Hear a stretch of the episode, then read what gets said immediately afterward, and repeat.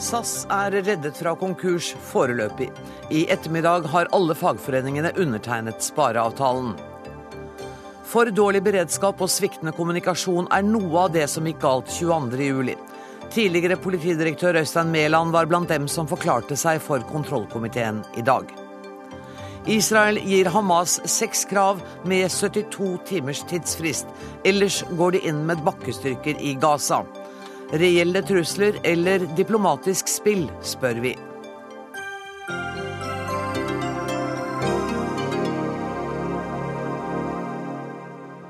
Dette er noen av sakene i dagens sending, der vi også skal møte forfatter Ketil Bjørnstad, som i sin siste roman skriver om sorg, raseri og hevnlyst.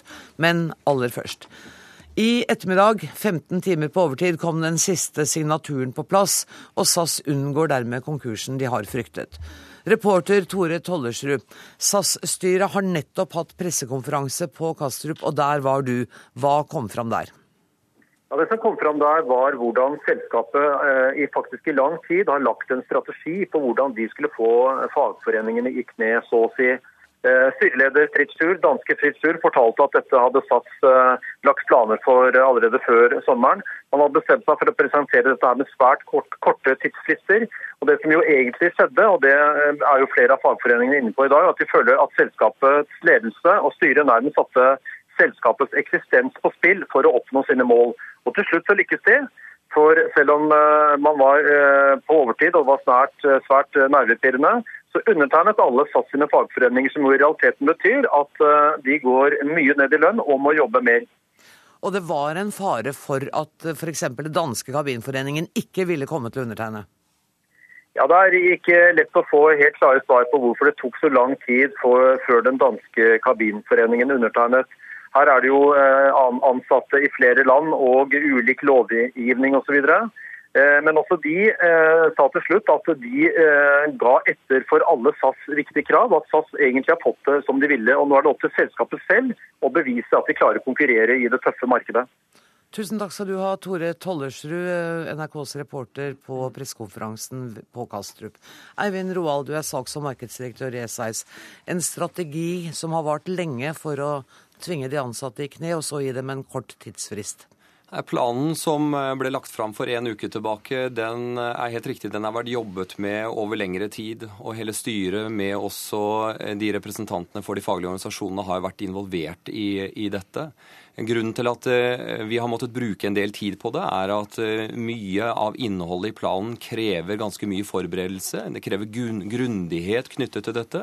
Et av elementene ligger jo på at vi skal outsource vår bakkeorganisasjon. og Det er en stor organisasjon med 5000-6000 medarbeidere. Og Når vi skal eh, finne en strategisk samarbeidspartner for dette selskapet, eh, så trenger man å gjøre en god forberedelsesarbeid. Så Det er noe av bakgrunnen for at det har tatt lang tid. Men da prosessen først var i gang og forhandlingene var i gang, så var det en kort frist? Ja, og Grunnen til at vi måtte sette en kort frist, er nettopp det vi har opplevd gjennom den siste uken. Det har vært mye spekulasjoner, mye usikkerhet. Vi hadde behov for å redusere den usikkerheten overfor kundene våre og overfor eierne våre. Og det var bakgrunnen for at fristen ble satt såpass kort. Og dere har altså klart å presse ansatte til lengre arbeidstid og lavere lønn. Hvor fornøyd er du med den avtalen? Jeg tror for SAS som organisasjon, alle våre kollegaer og medarbeidere, så tror jeg vi skal være fornøyd med at vi nå har tatt det første skrittet i å bygge et nytt SAS som, som har definitivt en berettigelse i eh, fremtiden. Det er ikke tvil om at vi har stått overfor eh, store utfordringer eh, økonomisk med manglende tillit på banksiden, noe vi er helt avhengig av. Nå har vi lagt et grunnlag for å bygge en fremtid med god lønnsomhet. Eh, vi har måttet eh, svelge noen bitre piller, alle og enhver i organisasjonen. Eh, og det er en, alltid vondt å måtte gi opp en del av de forholdene man har hatt. Men jeg tror vi må også stikke fingeren i jorda og erkjenne at nå er situasjonen eh, slik at eh, det er de takene som må til for å bygge fremtidens oss. Graden av bitterhet på de pillene er vel noe varierende, men en av dem som eh, må ta en av de bitre pillene, det var Norsk Kabinforening, og der er du nestleder, Knut Jørgen Ness. Du er med oss fra studio i Fredrikstad. Ehm, du har ikke sovet på tre døgn, så jeg er veldig glad for at du også orket å være med i Dagsnytt 18. Hva syns du om den avtalen som dere har landa på nå? Den kan vel egentlig deles litt opp i, flere deler. For det første, når jeg hører eh, bekreftet det vi var redd for, at det har vært en strategi å la oss vente til absolutt siste minutt før vi eh, ble presentert ultimatumet, det er jo da at eh, vi først og fremst måtte se å redde dette selskapet fra en eventuell konkurs, og derigjennom arbeidsplasser. Så akkurat i dag så tror jeg de fleste er veldig glad for at de har en jobb. Og at de har en lønn, selv om den er blitt lavere. Men den bitre pillen den kan nå komme i ettertid, når de innser hvilke nye arbeidsbetingelser som nå blir realiteten. For det jeg har forstått, er at dere har gått med på å øke arbeidsuka fra 44 til 47,5 timer. Altså det som har vært, det har vært ulike arbeidstidsbestemmelser i de tre landene. og Målet med dette her har jo vært at alle grupper, både piloter og de som jobber i kabin, skal ha de samme arbeidstidsbestemmelsene, slik at man rasjonaliserer og gjør tingene enklere. Så 44 timer det hadde man i Danmark, man hadde 42 timer i Sverige og i Norge. Og nå har man altså gått opp til 47,5 timer med muligheter til å gå helt opp i en 60-timersuke om noe skulle skje underveis. Og en lønnsreduksjon. Hvor langt er du villig til å gå neste gang SAS er i trøbbel? Det vet man aldri, eh, hvor langt man vil gå. Vi hadde jo en sånn runde som dette her i 2003-2004, hvor også det var store endringer i de gjeldende tariffbestemmelsene. Den gangen gikk man jo ned 10 i lønn. I år så har man gått litt mindre ned. Eh, men man har jo øket arbeidstiden vesentlig, sånn at relativt sett så er det en eh, gigantisk lønnsreduksjon. Både på timebetaling og for øvrig. Er du redd for at mange av dine kolleger nå kommer til å se seg om etter annet arbeid? Det var vel egentlig det som var varslet allerede før eh, vi fikk kniven på strupen, så å si.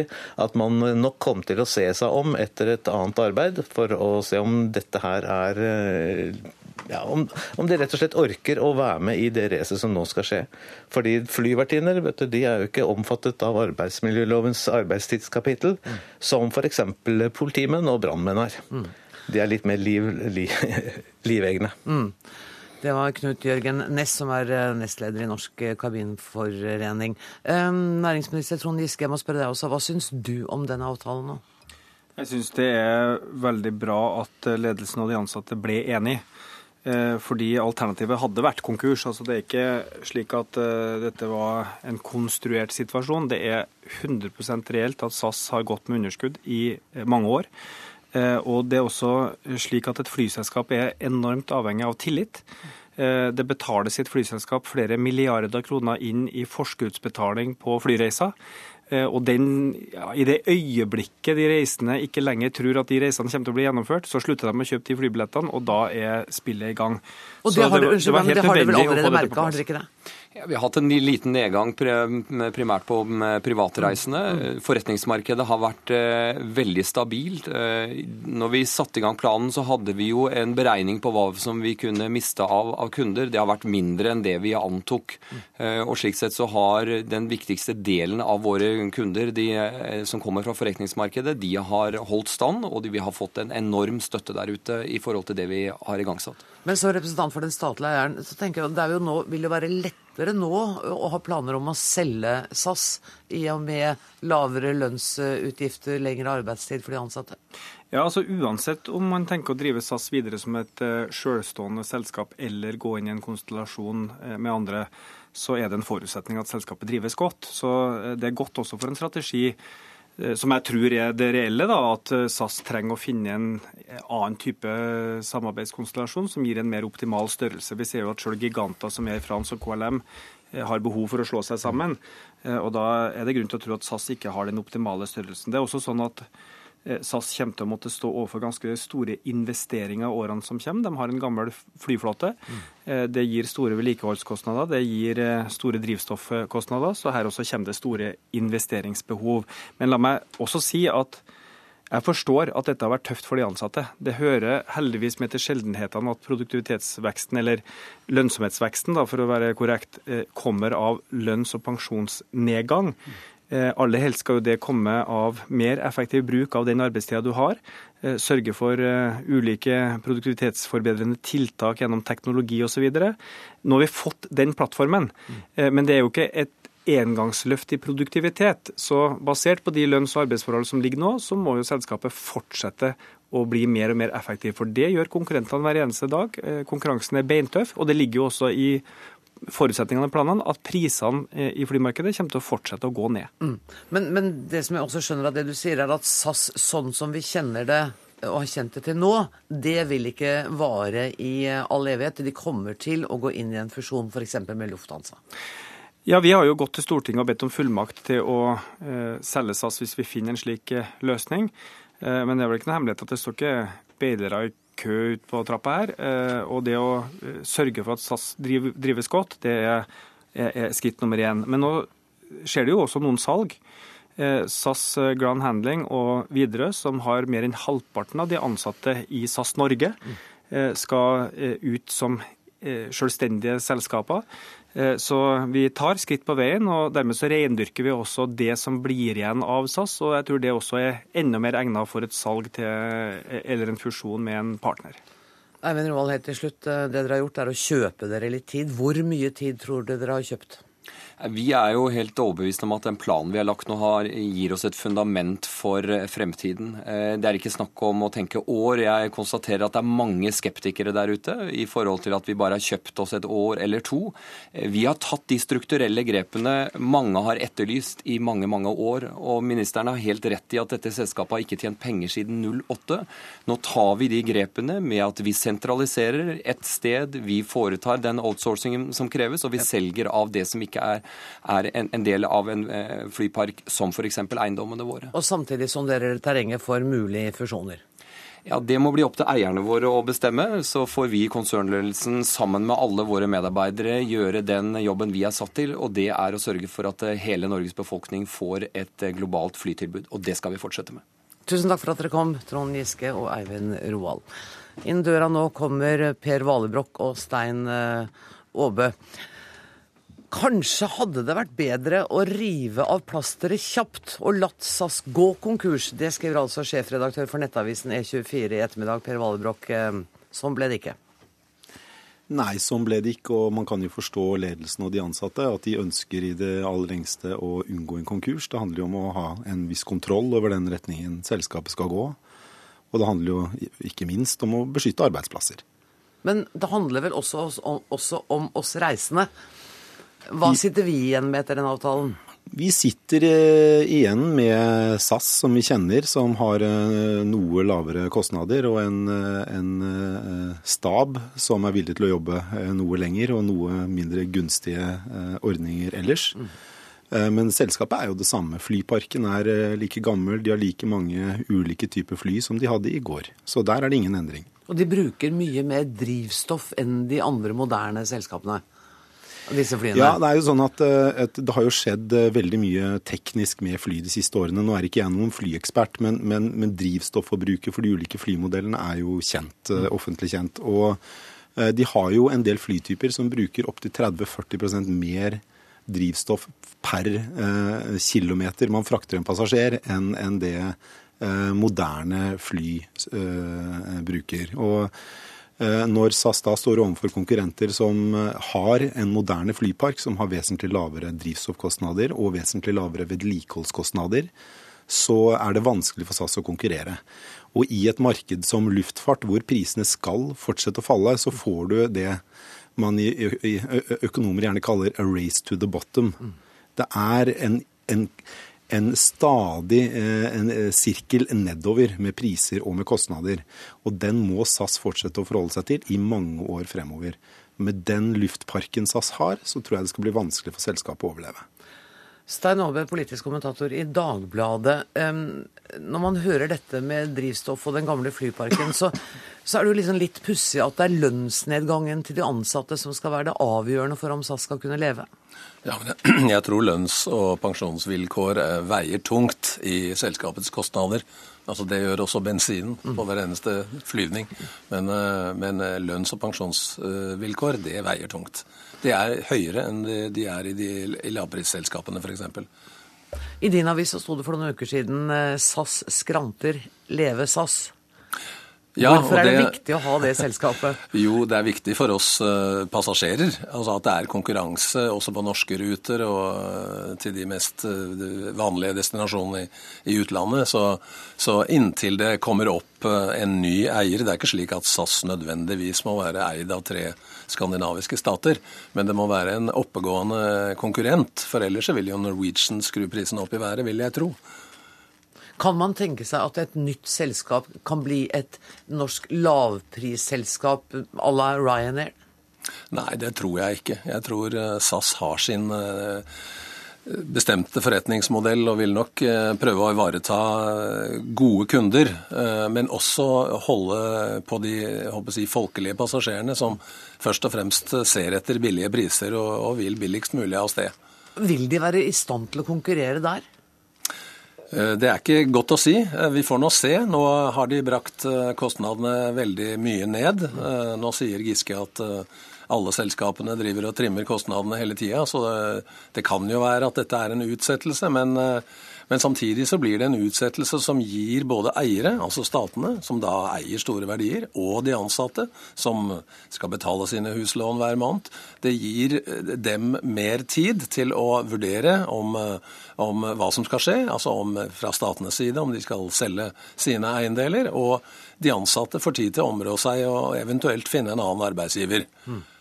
Vallebrokk, er du enig med Obi at eh, det er viktig å ha dette selskapet? Altså ha SAS som en del av det skandinaviske eller det norske? Nei, eh, jeg vil si det er viktig å ha konkurranse i luftfarten. Det er viktig for oss forbrukere å kunne ha flere enn én eh, aktør å velge mellom når vi skal fly. Eh, og det er jeg ganske sikker på at dersom SAS gikk konkurs i dag, så ville det ikke gått lang, veldig lang tid før en konkurrent var på plass. Fordi det skandinaviske flymarkedet er attraktivt. Vi skandinaver flyr mer enn de aller fleste. Og vi, vi, tjener jo såpass godt at vi nok er villige til å betale litt ekstra også. Eh, nå skal det bare sies at eh, etter denne runden med kostnadskutt, så har SAS eh, en kostnadsbase som er ca. 40, mellom 40 og 50 høyere enn Norwegians. Det betyr at SAS vil ikke ha noen mulighet til å konkurrere på Norwegians eh, banehalvdel. Der vil Norwegian vinne i all overskuelig fremtid. Altså det, jeg tror aldri SAS vil kunne passere Norwegian der. Med mindre de har kapital til å modernisere sin flypark så det virkelig monner. Eh, det har ikke SAS. Eh, og SAS har også det problemet at eh, långiverne vil neppe låne det veldig mye mer. Og det er en eierstruktur der Trond Giske og de andre næringsministrene i Skandinavia neppe ønsker å skyte inn veldig mye mer egenkapital. Så det har ikke penger til å kjøpe nye fly. Det har snarere tvert imot fryktelig mye gjeld å nedbetale de nærmeste årene. Så SAS vil ikke klare å gjøre noe med kostnadsbasen sin så det virkelig monner på mange år ennå. Og underskuddene vil fortsette. Og dermed er fusjon den eneste muligheten? Ja, jeg mener det er tre muligheter her. SAS kan enten overleve i sin nåværende form, eh, men stadig slankere. Det mener jeg er nesten usannsynlig. Mm. Det kan bli kjøpt opp, som jeg tror ikke er spesielt sannsynlig, men, men, det kan absolutt skje. Eh, eller det kan gå konkurs eller bli stykket opp og delt eh, noe før det havner i skifteretten. Det tror jeg er det mest sannsynlige. Du er enig i den analysen? Nei, jeg er, ikke, jeg er ikke fullt så pessimistisk. Jeg regner med at ledelsen og de ulike statene har har gjort et forsøk på å kalkulere hva som må til for å gjøre SAS drivverdig en stund til, og, og, og få ned kostnadene slik at uh, selskapet blir mer attraktivt som partner eller, eller, del av en større enhet. Det sa jo Giske med rene ord, og det, det tror jeg. Jeg tror ikke en konkurs ville vært uh, det beste. Uh, det ville vært smertelig både for staten, dvs. Si de norske skattebetalerne som hadde tapt store verdier, og for de ansatte. Jeg tror den løsningen som er valgt, er bra. Da ender vi på en litt optimistisk tone. Du fikk siste ord denne gangen. Stein Hobbe, politisk kommentator i Dagbladet, takk for at du kom. Og Per Vallebrokk, redaktør i E24. Hør Dagsnytt 18 når du vil, på nettradio eller som podkast. nrk.no – dagsnytt 18.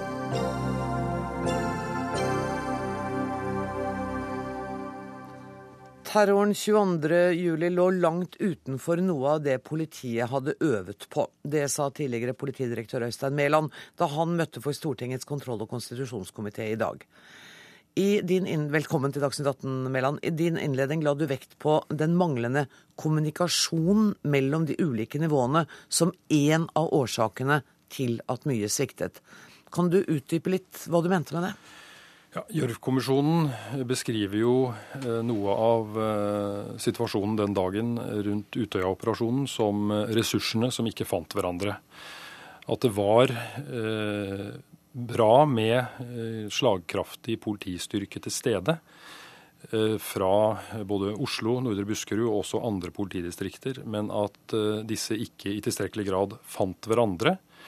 Eh, og at det hadde bl.a. tidsspillet som resultat.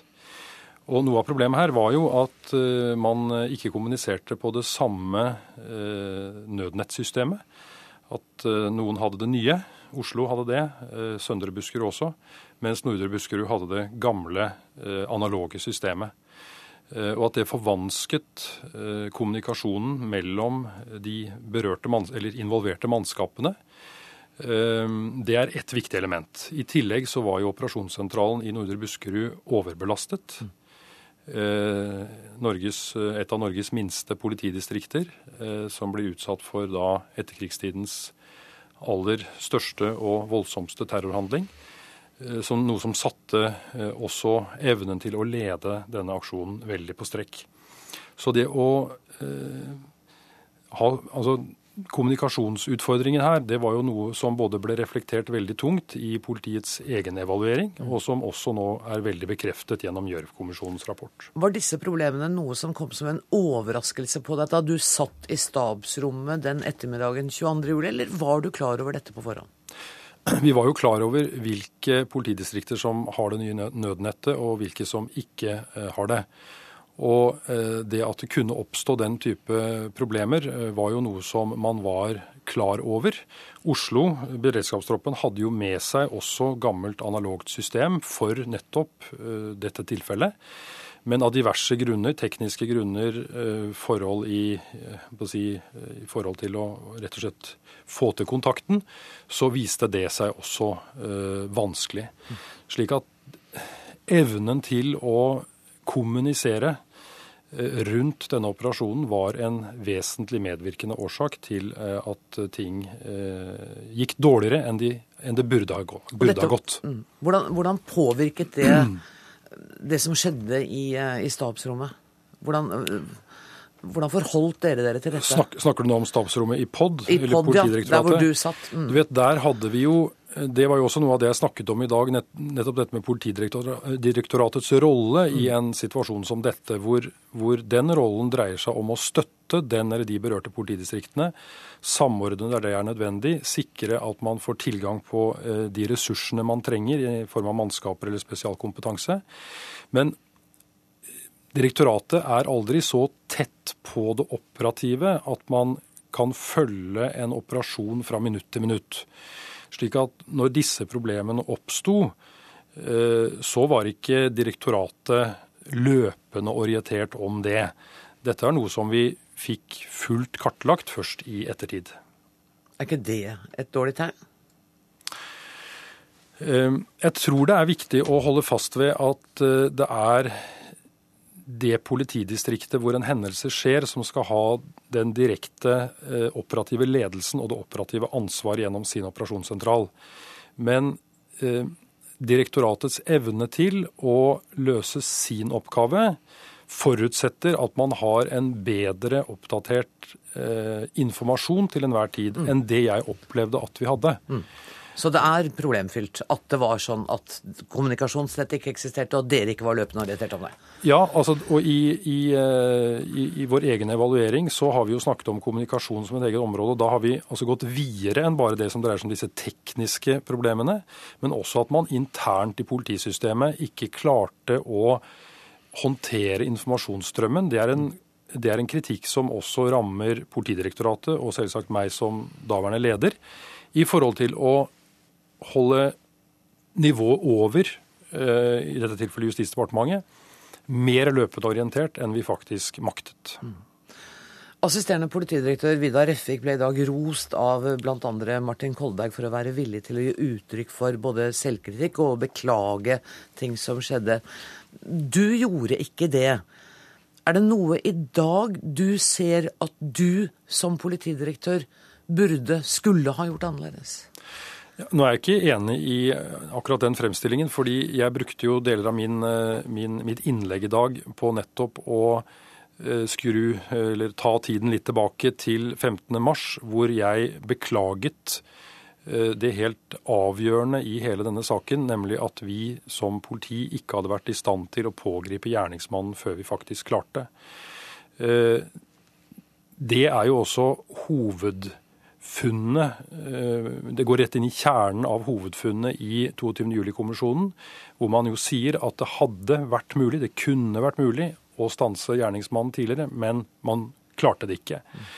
Eh, jeg så jo det som en, en bekreftelse på at den beklagelsen jeg kom med i mars, eh, på grunnlag av da denne Sønderland-evalueringen, at det var en riktig beklagelse. Så kan man diskutere hvor godt Sønderland-utvalget legger til rette for den beklagelsen, men jeg var i hvert fall helt overbevist om Eh, at dette var riktig å beklage, eh, og at det var nok av funn i den evalueringen og nok av det vi ellers visste om politiaksjonen den dagen, som tilsa at eh, dette burde vært håndtert på en annen måte.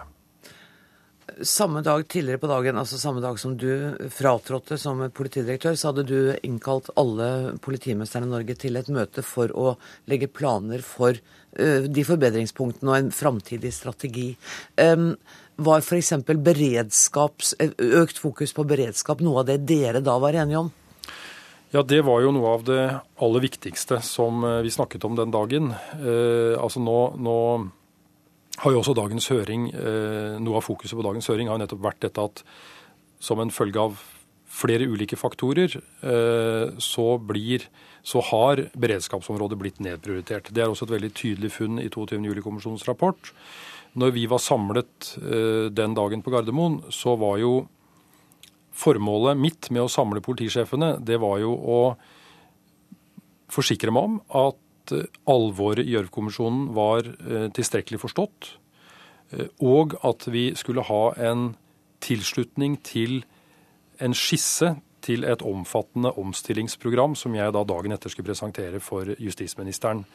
Og i det omstillingsprogrammet så oppfattet jeg det slik at noe av det viktigste måtte være at vi kunne vise for oss at vi som et resultat av dette får en bedre politiberedskap med mer vekt på nettopp det. Mm. Altså for å ta igjen noe av det tapte eh, og noe av det forsømte som helt åpenbart eh, har eh, utviklet seg over de senere årene. Mm. Og det arbeidet ble det altså ikke du som skulle fullføre, fordi du trakk deg da den torsdagskvelden. Tusen takk for at du kom i studio, Øystein Mæland. En av dem som har fulgt høringene, er eh, politisk redaktør i Aftenposten, Harald Stanghell. I dag var det vel nest siste høring, så vidt jeg vet, Harald, om, i kontroll- og konstitusjonskomiteen om dette. Og du har fulgt dem, som jeg sa. I dag var det nåværende og tidligere politiledere som ble utspurt. Hva var det viktigste som kom fram i dag?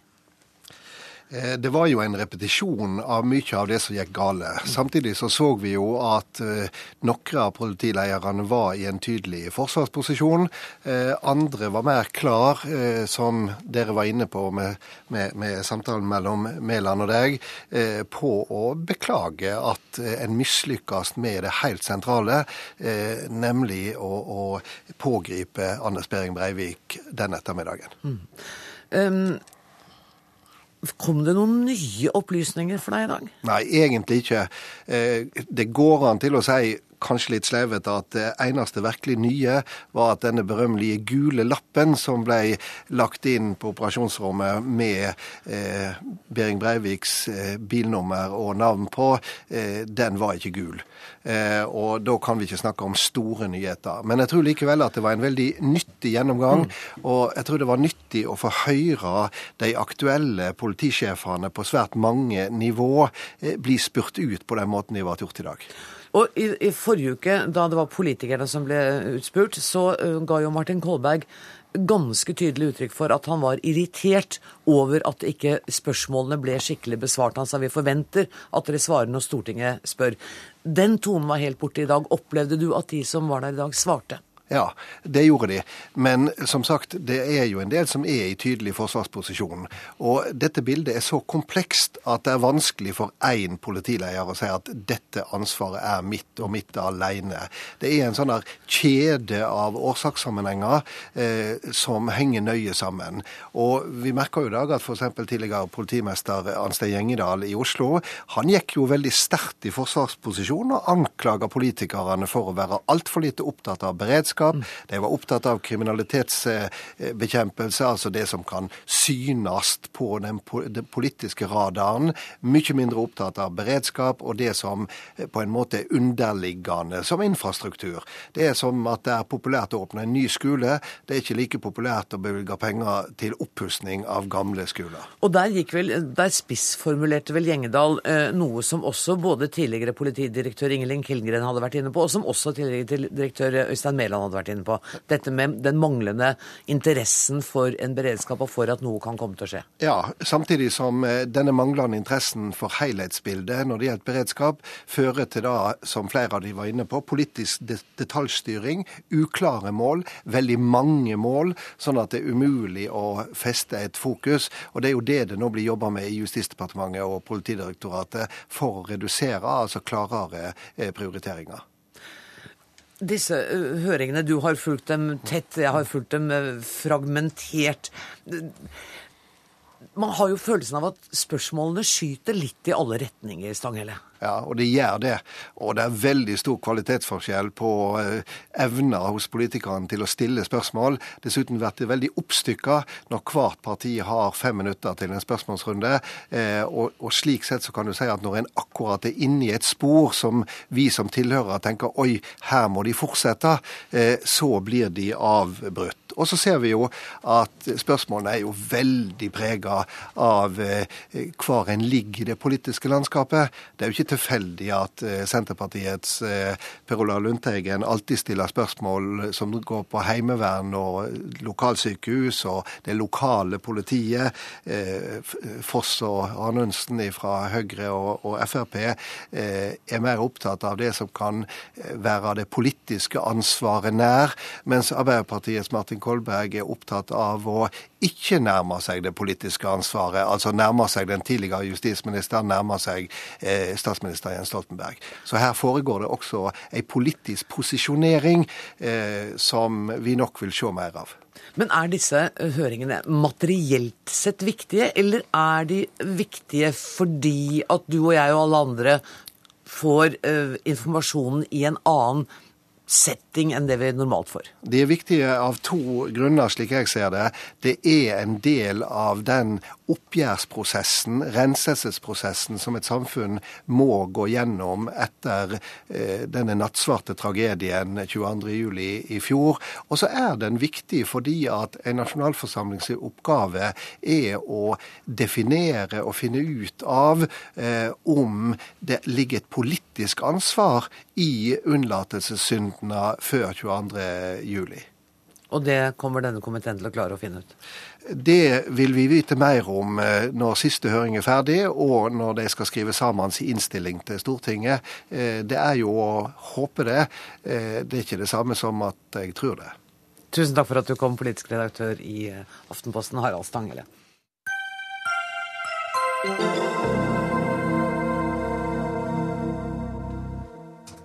Israel har fremmet seks krav og gir Hamas 72 timers tidsfrist. Hvis ikke går de inn med bakkestyrker i Gaza. Det melder en israelsk nettavis. Midtøsten-korrespondent Sigurd Falkenberg Mikkelsen. Israel krever bl.a. umiddelbar stans i rakettskyting fra Gaza, og at Israel skal ha rett til å fortsatt jakte på terrorister som planlegger eller er i ferd med å gjennomføre et angrep mot Israel. Er det realistisk at Hamas kommer til å gi seg på dette? Altså, det er intense forhandlinger som nå pågår eh, i Egypt, hvor det er mange parter involvert. Eh, men døren er i hvert fall ikke helt eh, lukket. og de signalene som kommer via de egyptiske meklerne, er relativt positive. Vi har hørt Egypts statsminister Kandil si at de er relativt nær en avtale. Og det er en kilde som snakker til den israelske avisen Haaretz, som sier at de er veldig nær en avtale. Men at det står på israelerne i løpet av det neste døgnet. Sånn at Muligheten er åpne, men eh, det kommer an på hvor absolutte partene er i gravene sine, tror jeg. Mm. Hvordan er situasjonen i Gaza nå? Er litt avventende. Eh, det er fortsatt et høyt eh, voldsnivå her.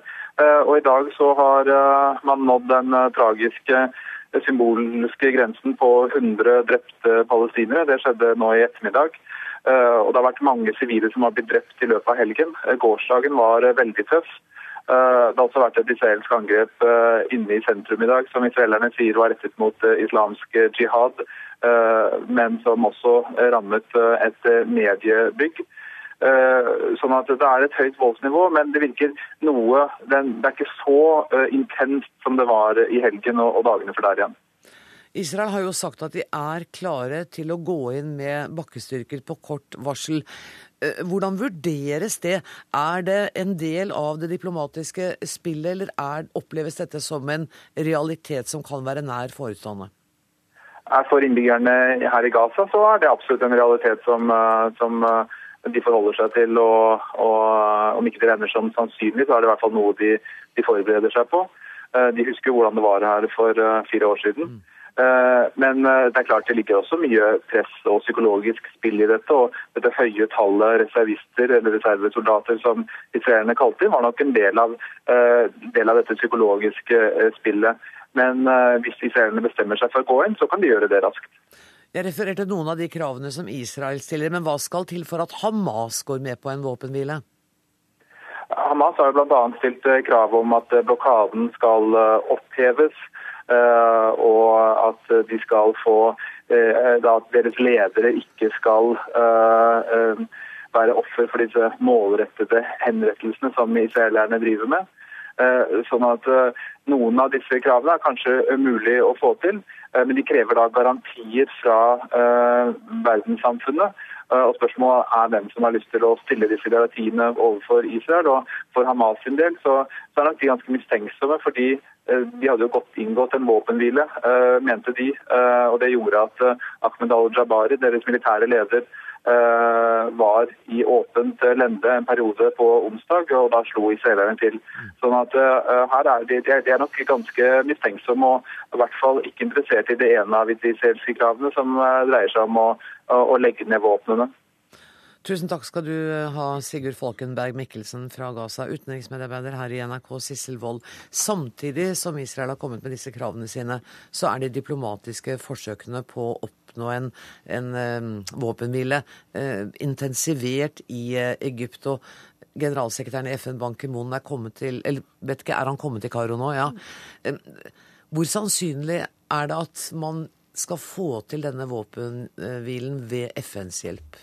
Ja, I Israel så har jo ikke FN en veldig sterk eh, standing. Eh, mange israelere sier eh, at FN, United Nation, UN, står for Unwanted Nobodies. De har veldig dårlig, eh, et veldig dårlig forhold til FN, for de mener FN tar ofte side mot Israel. Det har jo vært mange resolusjoner mot Israel. De føler at FN er veldig ensidig. Sånn eh, at hva Ban Ki-moon eh, får til, det vet vi jo ikke. Men her er det jo veldig mye som foregår sikkert bak lukkede dører. Og det er veldig mye spill også i mediene.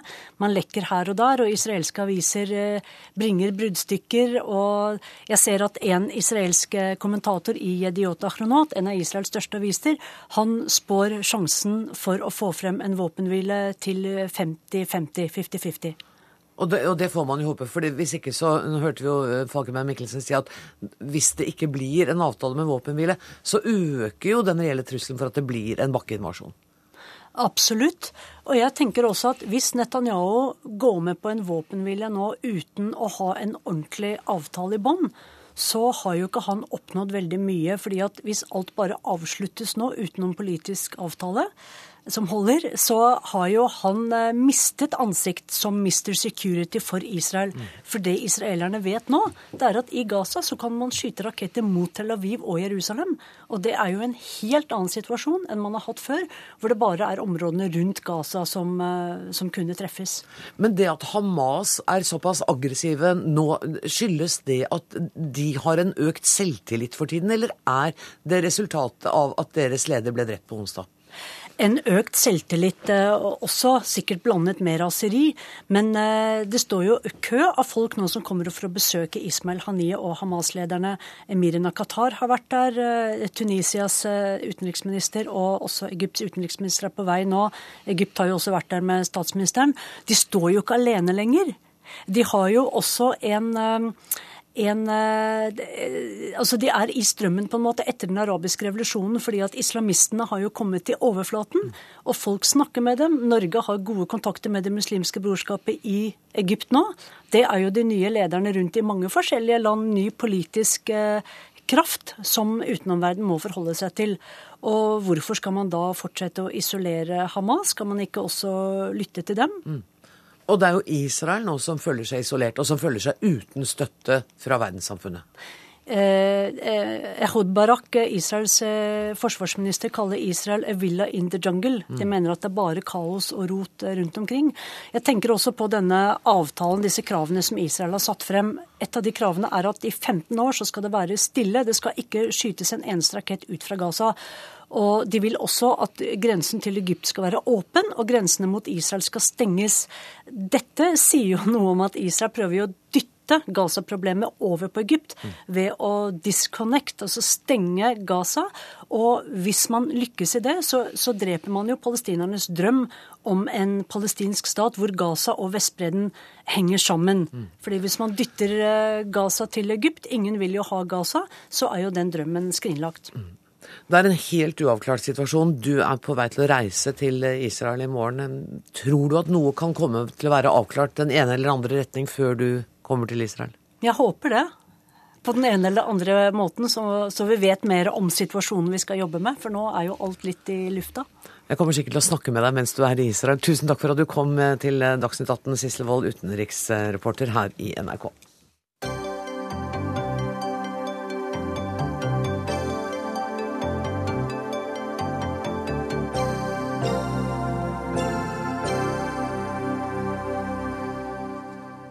Det meste av det kloden har igjen av kull, gass og olje, bør bli i bakken. Det internasjonale energibyrået mener dette er en forutsetning for å nå målet om bare en to graders global oppvarming. Men det gjelder ikke Statoil, skal vi tro konsernsjef Helge Lund, som i dag talte på selskapets årlige høstkonferanse. Det er slik at uh, olje- og gassproduksjonen i Norge er blant de mest CO2-vennlige i, i, verden. Så det er rett og slett et dårlig miljøtiltak å skalere ned produksjonen uh, i Norge. Og det er et veldig godt uh, miljøtiltak å sørge for at norsk gass i større grad enn i dag erstatter kull i elektrisitetsforsyningen i Europa. Det vil altså rett og slett være ganske dumt å redusere norsk aktivitet. Nina Jensen, generalsekretær i naturvernorganisasjonen WWF. Hva er dine, hva, hvilke tanker går gjennom hodet ditt når du hører Helge Lund?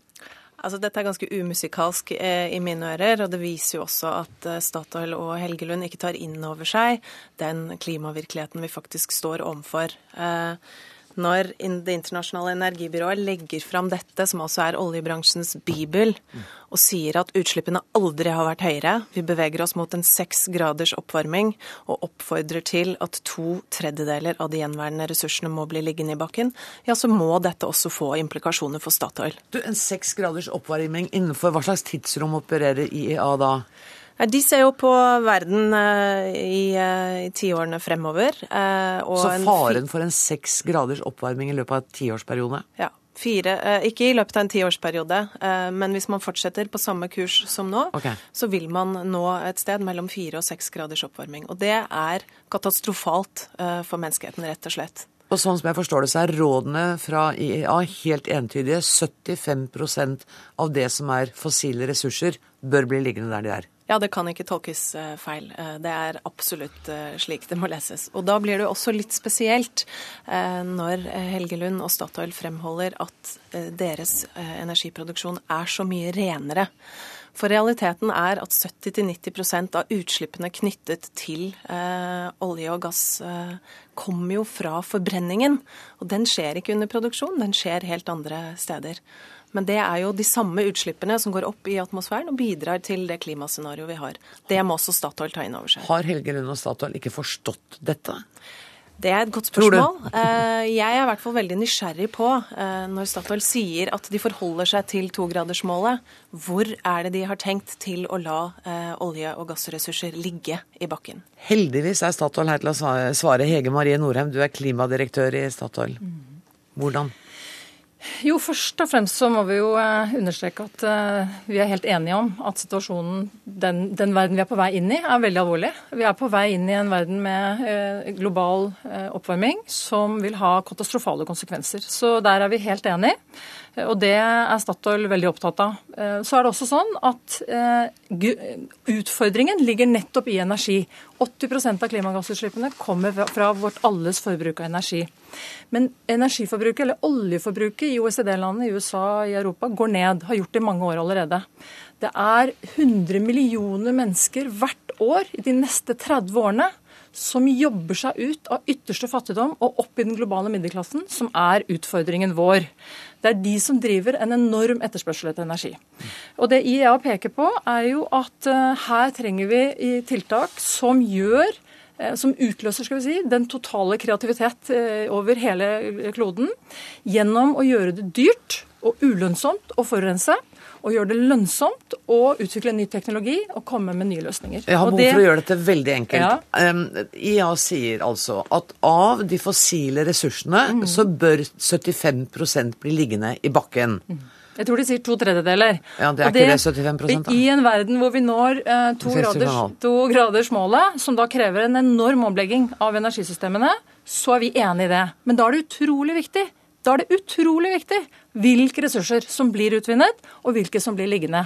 Og Statoil eh, er jo da sammen med IA av den klare oppfatning at det første vi må gjøre, det er å gå skifte fra kull til gass. Gass i IEAs eh, outlook for de neste 40 årene øker i forhold til i dag. Selv i et scenario med to graders eh, utvinning, eller to graders eh, global oppvarming, og oljeforbruket er omtrent det samme. Og da er det veldig viktig å huske, for de som ikke er veldig tett på industrien vår, ja. det er at dagens olje- og gassfelt de produserer halvparten så mye om ti år som det de gjør i dag. Så bare det å holde produksjonen og eh, tilbudet av energi for disse 100 millionene menneskene hvert år i 30 år som skal, som skal opp i den globale middelklassen som vi tilhører, og vel så det, det krever enormt masse nye felt som skal utvikles, både av olje og av gass. Er det du som ikke har skjønt det, Einesen?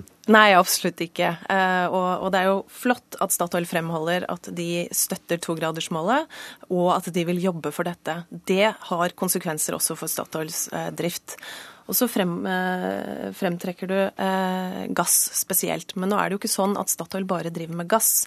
Statoil driver også med mye andre skitnere ressurser. Og Er vi over på oljesand allerede nå? Vi behøver ikke å gå inn i tjæresand, men det er selvfølgelig eh, særdeles eh, en, en satsing som absolutt burde avvikles umiddelbart. Men Eh, Statoil investerer altså 20 ganger mer i olje enn det man investerer i gass. Og skal man da ha tro på dette eh, togradersmålet, og skal man lytte til eh, Det internasjonale energibyrået og klimaforskerne, så må man da i realiteten stoppe med oljeutvinning noen steder. Og Derfor så vil jeg utfordre Statoil på kan dere da si at dere vil eh, ikke bevege dere inn i Lofoten, som et av verdens mest unike naturområder?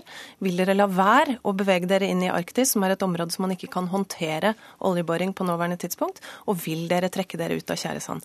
Det er tre helt konkrete utfordringer som vil være helt i tråd med scenario om en eh, verden som holder seg innenfor togradersmålet. Ja, kommer det til å gjøre alt dette? Altså Utfordringene knyttet til mange av de områdene som Nina tar opp her, er, er, veldig viktig at vi jobber med, og vi jobber med det. Statoil og Norge er verdens beste produsent av olje og gass i forhold til klimagassutslipp. Ja. Spørsmålet alt, er dere villige til å ikke gå inn i Lofoten? Er dere villige til å la Arktis ligge vi, der? Er dere villige til å gå ut av uh, Nei, tvert imot. Det var det jeg prøver å si. Nettopp Norge og Statoil er en del av løsningen. Nettopp fordi vi har hatt eh, klimatiltak i, i Norge i 20 år. Vi har hatt en klimaavgift som er verdens høyeste. og vi er derfor blitt også en av de beste, og har utviklet teknologi som gjør, mener vi, at vi er virkelig eh, posisjonert for å, for å, være med i en sånn fremtid eh, hvor klimagassutslippene skal kraftig ned.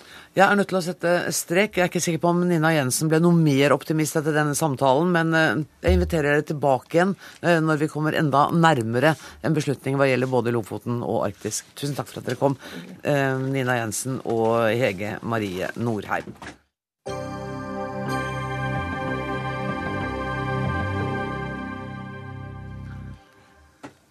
Sorgen er et vilt, rasende dyr som angriper i blinde. Det skriver Ketil Bjørnstad i sin siste roman 'Verdens ende'. Emma er ni år og er den eneste passasjeren som dør da flyet hun sitter i får en uventet hard landing. Emmas setebelte er ikke skikkelig festet, eller det åpner seg og dermed viser sorgen seg med alle sine grufulle ansikter for faren Aksel og hans fraseparerte kone Hanne. Velkommen til Dagsnytt 18, Ketil Bjørnstad. Tusen takk.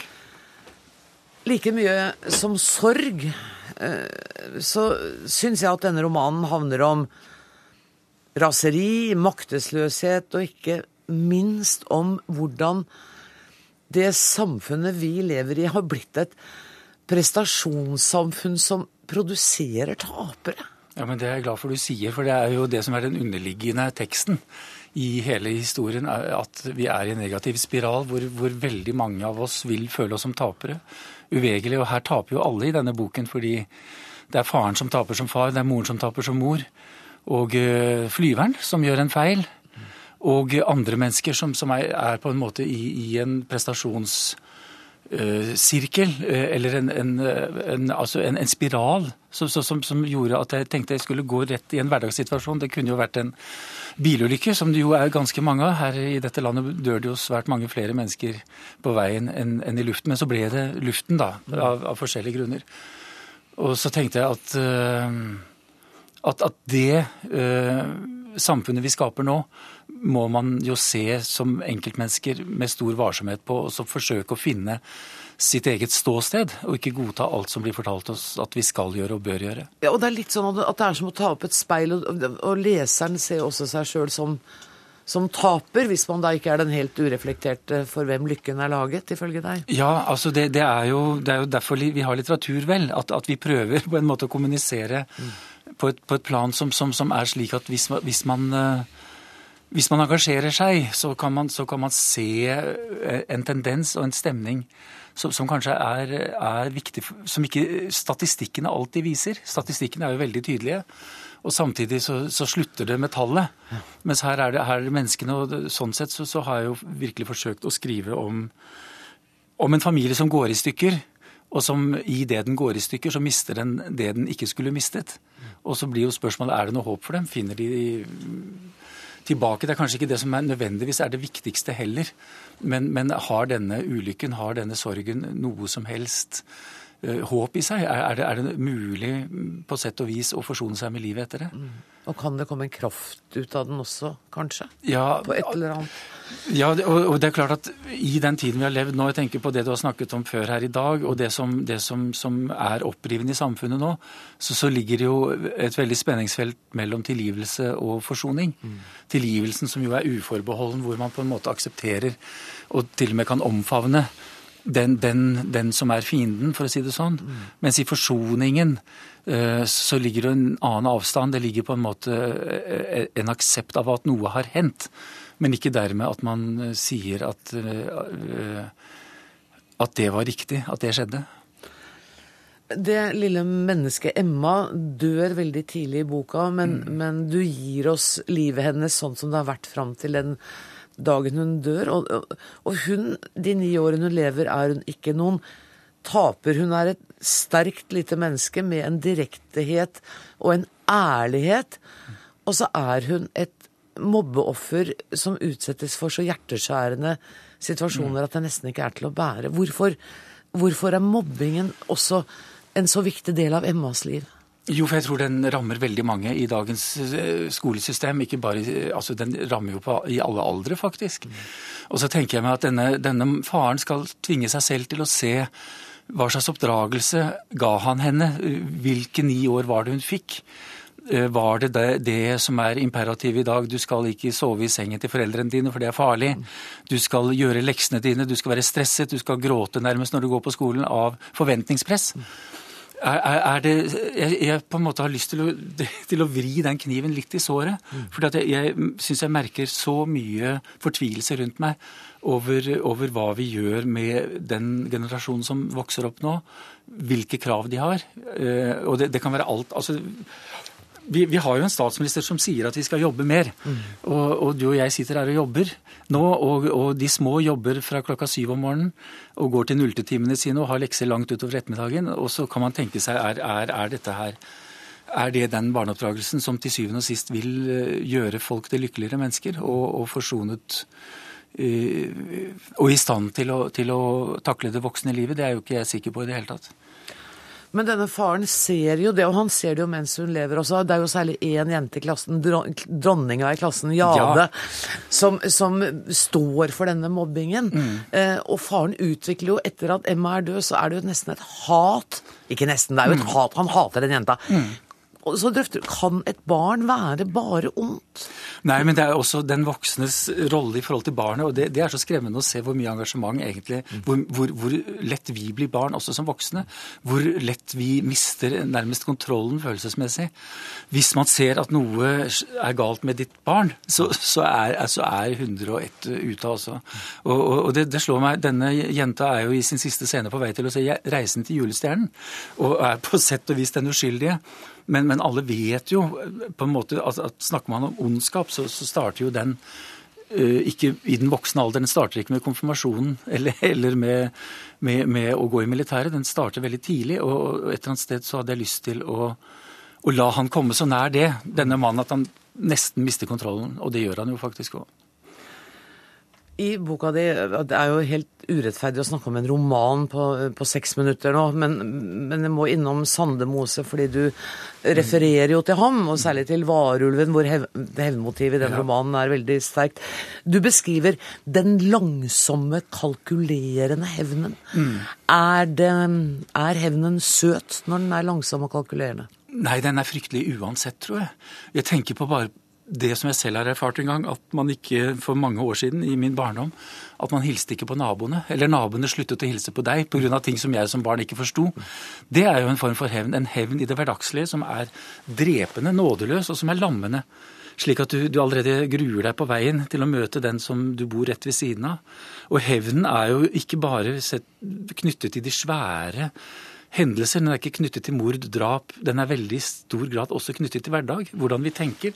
Hvordan vi begynner å tenke negativt om, om, om mennesker vi føler oss uh, rammet av. På sett og vis. Så hevnen er helt sentral i Det er ikke bare flyveren.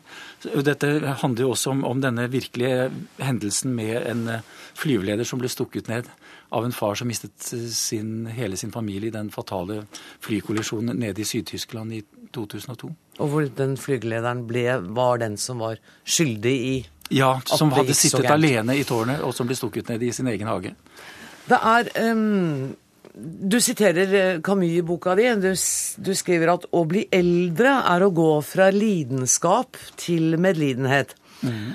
Og det slo meg da jeg leste at uh, det virker jammen som om den modne Bjørnstad er mer lidenskapelig rasende enn noen gang. Dette milde mennesket ja, du, Det er et raseri her, vi har kort tid igjen. Mm. Ja, det er det. Jeg håper da det. Altså Et eller annet sted så er, er raseriet sunt, er det ikke det? Håper jeg. Og, og engasjementet i det. Men, men, men, du nevner Camille, og Camille er jo den store moralske vokter, syns jeg, i skjønnlitteraturen. Uansett. Er det deilig å være litt rasende innimellom? Ja, det, det er befriende. Det kommer mye ut av det. Tusen takk for at du kom eh, til eh, studio. Boka heter altså 'Verdensende', og forfatteren er Ketil Bjørnstad. Dermed er eh, nok en utgave av Dagsnytt 18 over. Ansvarlig for sendinga var Siri Storstein Hytten. Det tekniske ansvaret i dag har Lisbeth Sellreite. Jeg heter Anne Grosvold, og vi høres igjen om 23 timer. Takk for nå.